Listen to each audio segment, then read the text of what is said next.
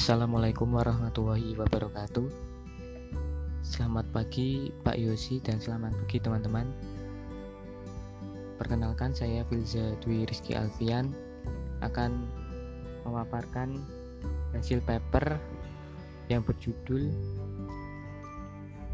Kajian Anggaran dan Realisasi Keuangan Pusat pada Pos Belanja Subsidi tahun 2018 Yang pertama yaitu latar belakang Subsidi adalah instrumen dari kebijakan fiskal yang memiliki tujuan untuk tercapainya peran negara atau pemerintah dalam aktivitas ekonomi guna meningkatkan kesejahteraan masyarakat secara merata dan adil.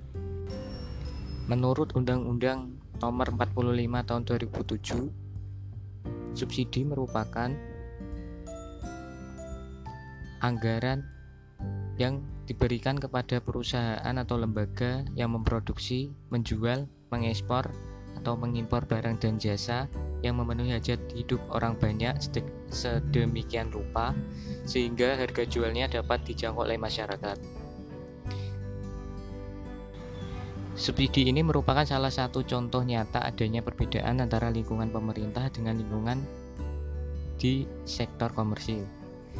Perbedaan antara lingkungan pemerintah dengan lingkungan dalam sektor komersil yaitu terletak pada tujuan entitasnya.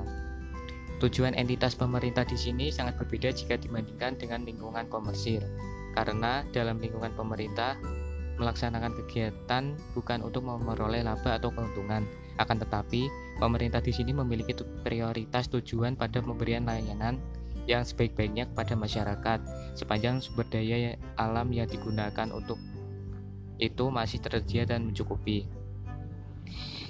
Lingkungan pemerintah dari sisi penyediaan barang dan jasa juga tidak harus berupa timbal balik sebagaimana yang biasa diterapkan di sektor komersil atau sektor bisnis.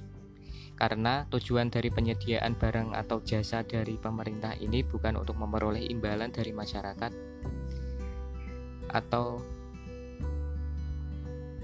yang dilayani, Jenis-jenis subsidi yang tertuang dalam APBN yaitu sebagai berikut. Yang pertama yaitu subsidi bahan bakar minyak, yang kedua subsidi listrik, yang ketiga subsidi pangan, yang keempat subsidi pupuk, yang kelima subsidi benih, yang keenam subsidi dalam rangka kewajiban umum atau public service, yang ketujuh subsidi bunga kredit program, yang kedelapan subsidi pajak ditanggung pemerintah. Subsidi yang diberikan pemerintah salah satunya yaitu subsidi energi di mana selama ini masyarakat sudah memperoleh manfaat dari subsidi energi tersebut. Kebutuhan masyarakat akan bahan bakar minyak ini menjadikan minyak di Indonesia menjadi sangat penting. Subsidi energi meliputi subsidi BBM atau bahan bakar minyak, LPG, dan juga listrik. Adanya kebutuhan energi tersebut sudah kewajiban bagi pemerintah untuk untuk kebutuhan akan minyak ini harus dipenuhi oleh suatu negara atau pemerintah dalam mewujudkan kesejahteraan masyarakat. Selanjutnya terdapat rincian belanja pemerintah pusat tahun 2018 dalam rupiah.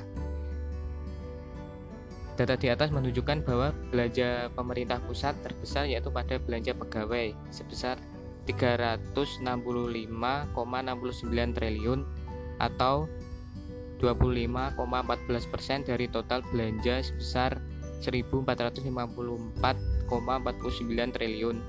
Sementara belanja subsidi berada di posisi kelima, terbesar dalam anggaran pemerintah pusat di tahun 2018 sebesar 156,22 triliun dengan presentase 10,74 persen. Belanja subsidi ini terbagi menjadi dua, yaitu belanja subsidi energi dan belanja subsidi non-energi. Subsidi yang diberikan pemerintah akan memiliki dampak positif maupun dampak negatif. Hal ini tergantung dengan seberapa efektif pemberian subsidi ini kepada masyarakat. Realisasi subsidi dikatakan efektif jika dapat meningkatkan perekonomian di Indonesia seperti menurunnya tingkat kemiskinan, peningkatan pembangunan ekonomi, dan rendahnya nilai ketimpangan atau Gini rasio. Berdasarkan hasil penelitian yang dilakukan oleh Bangga Filardik Bahtiar, Eleonora Sovilda, dan Sriani Kusumas Tuti disimpulkan bahwa variabel pertumbuhan belanja modal, pembayaran bunga utang, dan subsidi memiliki pengaruh signifikan terhadap pertumbuhan ekonomi. Sedangkan dua variabel bebas lainnya, yakni belanja barang dan belanja pegawai tidak memiliki pengaruh signifikan terhadap pertumbuhan ekonomi. Selanjutnya yaitu pembahasan. Yang pertama belanja dan realisasi subsidi. Belanja subsidi merupakan alokasi dari anggaran pemerintah pusat yang dialokasikan baik kepada perusahaan maupun kepada lembaga dengan maksud membantu biaya produksi atau mengintervensi dari pemerintah supaya harga jual dari barang yang disubsidi dapat terjangkau oleh masyarakat. Selanjutnya terdapat realisasi APBN pada pos belanja subsidi tahun 2014 sampai dengan tahun 2018 dalam rupiah. Data di atas menunjukkan realisasi anggaran pendapatan dan belanja negara khususnya pada pos subsidi tahun 2014 sampai dengan tahun 2018 terjadi kenaikan secara fluktuatif. Anggaran pendapatan dan belanja negara pada tahun 2014 merupakan anggaran terbesar, yaitu sebesar 403,03 triliun dengan realisasi dari anggaran APBN pada tahun tersebut sebesar 391,96 triliun atau persentase realisasi terhadap anggaran sebesar 97,26 persen. Sementara pada tahun 2018, anggaran pendapatan dan belanja negara sebesar 156,22 triliun lebih kecil jika dibandingkan dengan lima tahun sebelumnya. Sementara untuk realisasi anggaran pendapatan dan belanja negara atau APBN lebih besar jika dibandingkan dengan anggaran yang sudah direncanakan, yaitu 216,80 8 triliun dengan persentase realisasi terhadap anggaran sebesar 138,82 persen. Jika dianalisis dari tahun 2014 sampai dengan tahun 2018 terus mengalami penurunan atau bisa dikatakan bahwa pemerintah pusat melakukan pengurangan anggaran untuk pos subsidi dari tahun 2014 sampai dengan tahun 2018. Kondisi peningkatan realisasi belanja subsidi yang dipengaruhi oleh pergerakan nilai tukar serta harga minyak mentah Indonesia atau ICP. Penyelesaian kurang bayar di tahun sebelumnya dan kebijakan penyesuaian penyesuaian subsidi tetap solar dari Rp500 per liter menjadi Rp2.000 per liter. Hal ini dilakukan pemerintah sebagai upaya untuk dapat menyerap resiko dari kenaikan harga yang dapat menurunkan daya beli masyarakat dan pengendalian tingkat inflasi. Namun, terjadinya depresiasi nilai mata uang rupiah terhadap dolar Amerika Serikat telah memberikan net impact yang positif terhadap PBN yang dapat ditunjukkan melalui adanya tambahan penerimaan negara dari migas sebagai akibat dari kenaikan harga minyak. Selanjutnya terdapat komposisi realisasi belanja pemerintah pusat menurut jenis belanja tahun 2018. Dari data di atas menunjukkan bahwa komposisi pos belanja paling besar yaitu terdapat pada belanja barang sebesar 23,88% dari realisasi belanja negara sebesar 2.213,11 triliun. Realisasi belanja terbesar kedua yaitu pada pos belanja pegawai yakni sebesar 23,84% dari jumlah anggaran pada pos belanja pegawai sebesar 365,69 triliun di tahun 2018. Sementara realisasi belanja pada pos belanja subsidi yaitu sebesar 14,90% dari total belanja negara di tahun 2018 yaitu sebesar 2.213,11 triliun. Subsidi merupakan salah satu anggaran belanja negara yang memang cukup diprioritaskan oleh pemerintah yang memiliki tujuan salah satunya yaitu menekan harga yang ada di pasar. Harga-harga barang yang murah sudah tentu akan meningkatkan daya beli masyarakat untuk memenuhi kebutuhan ekonomi. Dari presentasi belanja subsidi di atas kemudian direalisasikan dengan rincian sebagai berikut. Realisasi belanja subsidi pada tahun 2018 lebih besar 50,48 triliun atau 20,34 persen dari realisasi belanja subsidi di tahun 2017 sebesar 166,40 triliun Kenaikan realisasi belanja subsidi pada tahun 2018 jika dibandingkan dengan tahun 2017 terutama yaitu pada kenaikan subsidi minyak solar, subsidi LPG, subsidi listrik, subsidi pupuk, dan subsidi bunga kredit program lainnya. Kondisi peningkatan jumlah belanja subsidi LPG ini dikarenakan adanya kenaikan harga LPG dan kenaikan dalam volume atau jumlah LPG yang disalurkan kepada masyarakat.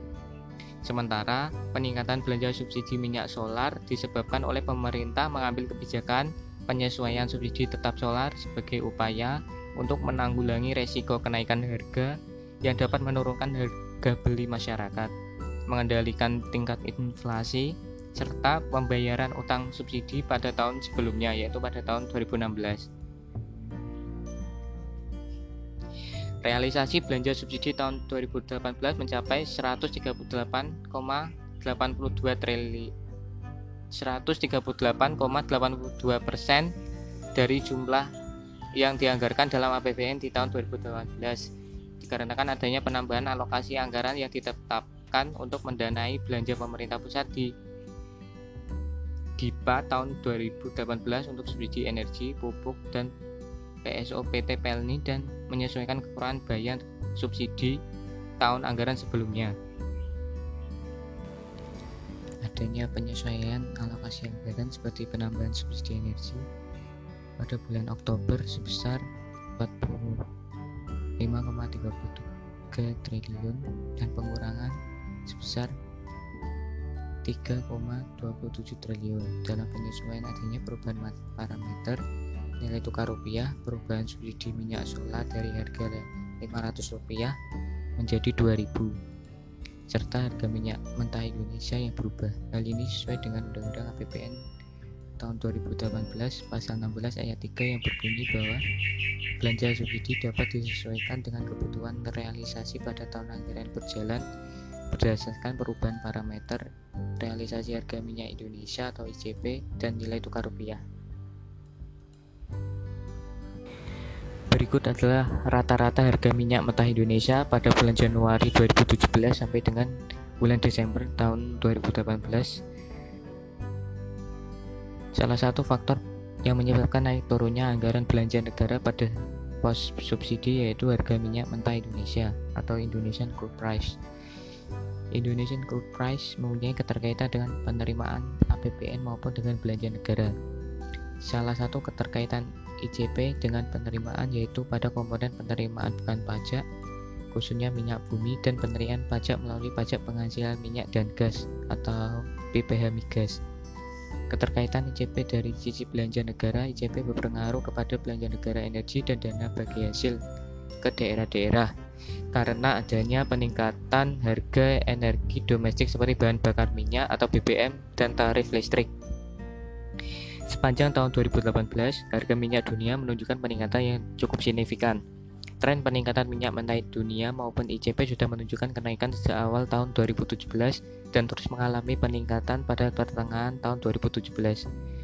Peningkatan ini juga disebabkan oleh produksi yang mengalami gangguan di negara-negara anggota OPEC di antaranya Libya, Venezuela, Nigeria, serta negara Angola dan adanya konflik geopolitik antara Amerika Serikat dengan negara di kawasan Timur Tengah seperti Iran dan Suriah.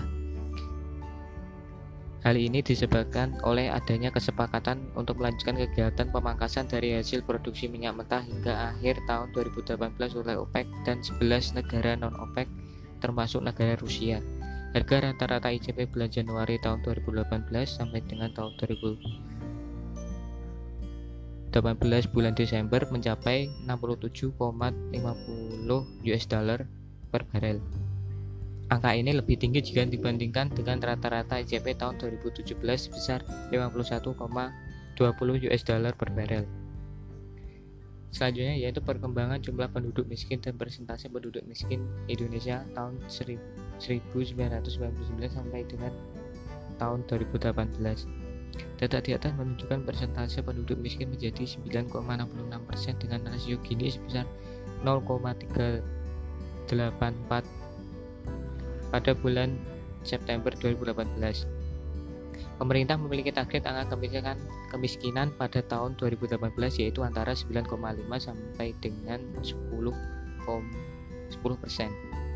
Jumlah penduduk miskin di Indonesia pada bulan September 2018 sebesar 25,67 juta jiwa atau sebesar 9,66 persen. Data di menunjukkan terjadi penurunan jumlah penduduk miskin sebesar 908,4 ribu jiwa apabila dibandingkan dengan bulan September tahun 2017 yaitu sebesar 26,58 juta jiwa atau sebesar 10,12 persen. Penurunan tingkat kemiskinan ini merupakan hasil dari kebijakan pemerintah dalam penanggulangan kemiskinan. Kebijakan tersebut di antaranya memperluas inklusi keuangan dan keikut sertaan jaminan sosial dengan pelaksanaan program jaminan dan bantuan sosial secara efektif dan tepat sasaran melalui penyaluran subsidi ini dan bantuan sosial dengan penggunaan satu kartu. Yang kedua, akses terhadap usaha mikro kecil dan koperasi diperluas melalui kualitas produk dan jangkauan akses pemasaran ditingkatkan bagi usaha mikro dan kecil. Yang kedua, permodalan usaha yang terus ditingkatkan. Yang ketiga, peningkatan kepastian, kemudahan, serta pelindungan usaha mikro. Yang ketiga, pemenuhan kebutuhan dasar melalui memperluas penyediaan sarana dan prasarana dasar. Yang kedua, peningkatan inklusivitas pelayanan dasar. Yang ketiga, peningkatan pemanfaatan pemutakhiran basis data terpadu untuk mensasar kebutuhan dasar 40% dari penduduk ber berpenghasilan terendah seperti dukungan kependudukan dan perumahan. Selanjutnya yaitu terkait utang subsidi. Utang subsidi tahun 2018 dan 2017 sebesar 30,13 triliun dan 32,19 triliun. Jumlah subsidi di tahun 2018 yaitu sebesar 2,06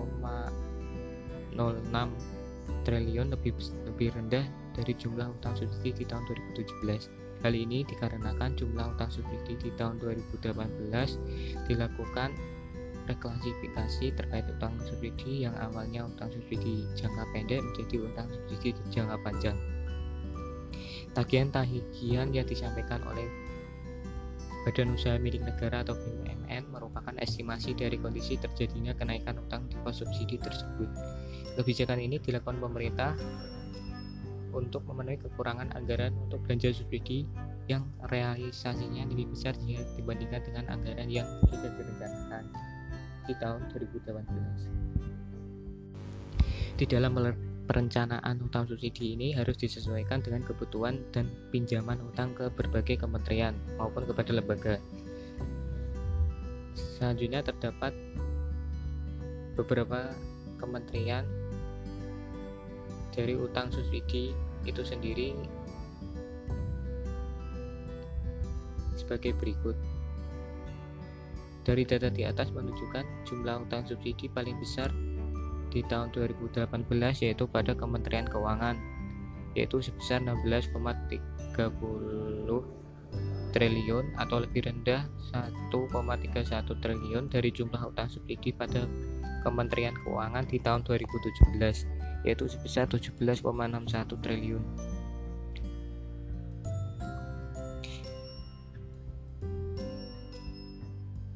Jumlah Utang pada Kementerian Keuangan ini merupakan utang jangka pendek dari rincian sebagai berikut.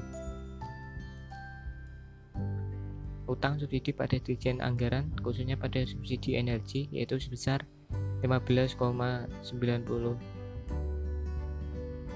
triliun di tahun 2018 jumlah ini lebih rendah jika dibandingkan dengan jumlah utang subsidi kepada Dirjen Anggaran pada tahun 2017 yaitu sebesar 17,60 triliun Utang subsidi pada Dirjen Anggaran sebesar 15,90 triliun merupakan kekurangan subsidi LPG tabung gas 3 kilo serta JBT kepada perseroan terbatas atau PT Pertamina dan PT AKR Korporindo terbuka.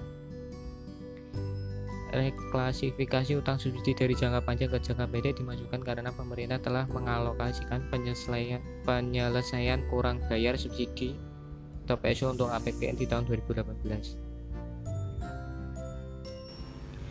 Sementara utang subsidi terbesar kedua yaitu utang subsidi pada Kementerian Pertanian sebesar 9,77 triliun meningkat sebesar 1,82 triliun dari utang subsidi kepada Kementerian Pertanian tahun 2017. Kenaikan utang subsidi kepada Kementerian Pertanian ini akibat dari adanya reklasifikasi atau perubahan dari jangka panjang menjadi utang jangka pendek terkait pemberian bantuan subsidi pupuk kepada masyarakat. Hal ini dilakukan pemerintah untuk mencapai produksi hasil pertanian yang maksimal. Hasil produk pertanian yang maksimal akan berdampak baik secara langsung maupun tidak langsung terhadap perekonomian, salah satunya meningkatkan pendapatan dari para petani.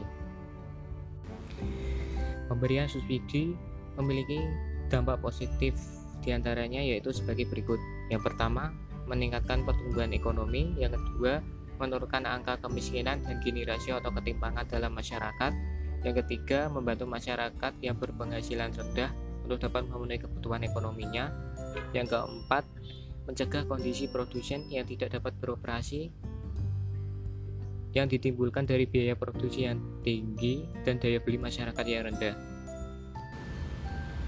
Konsum konsumen cenderung mempunyai perilaku boros dalam mengonsumsi barang yang disubsidi karena mereka dapat memperoleh barang yang disubsidi dengan harga yang lebih murah. Hal tersebut merupakan salah satu contoh dampak negatif dari pemberian subsidi ini. Selanjutnya kesimpulan.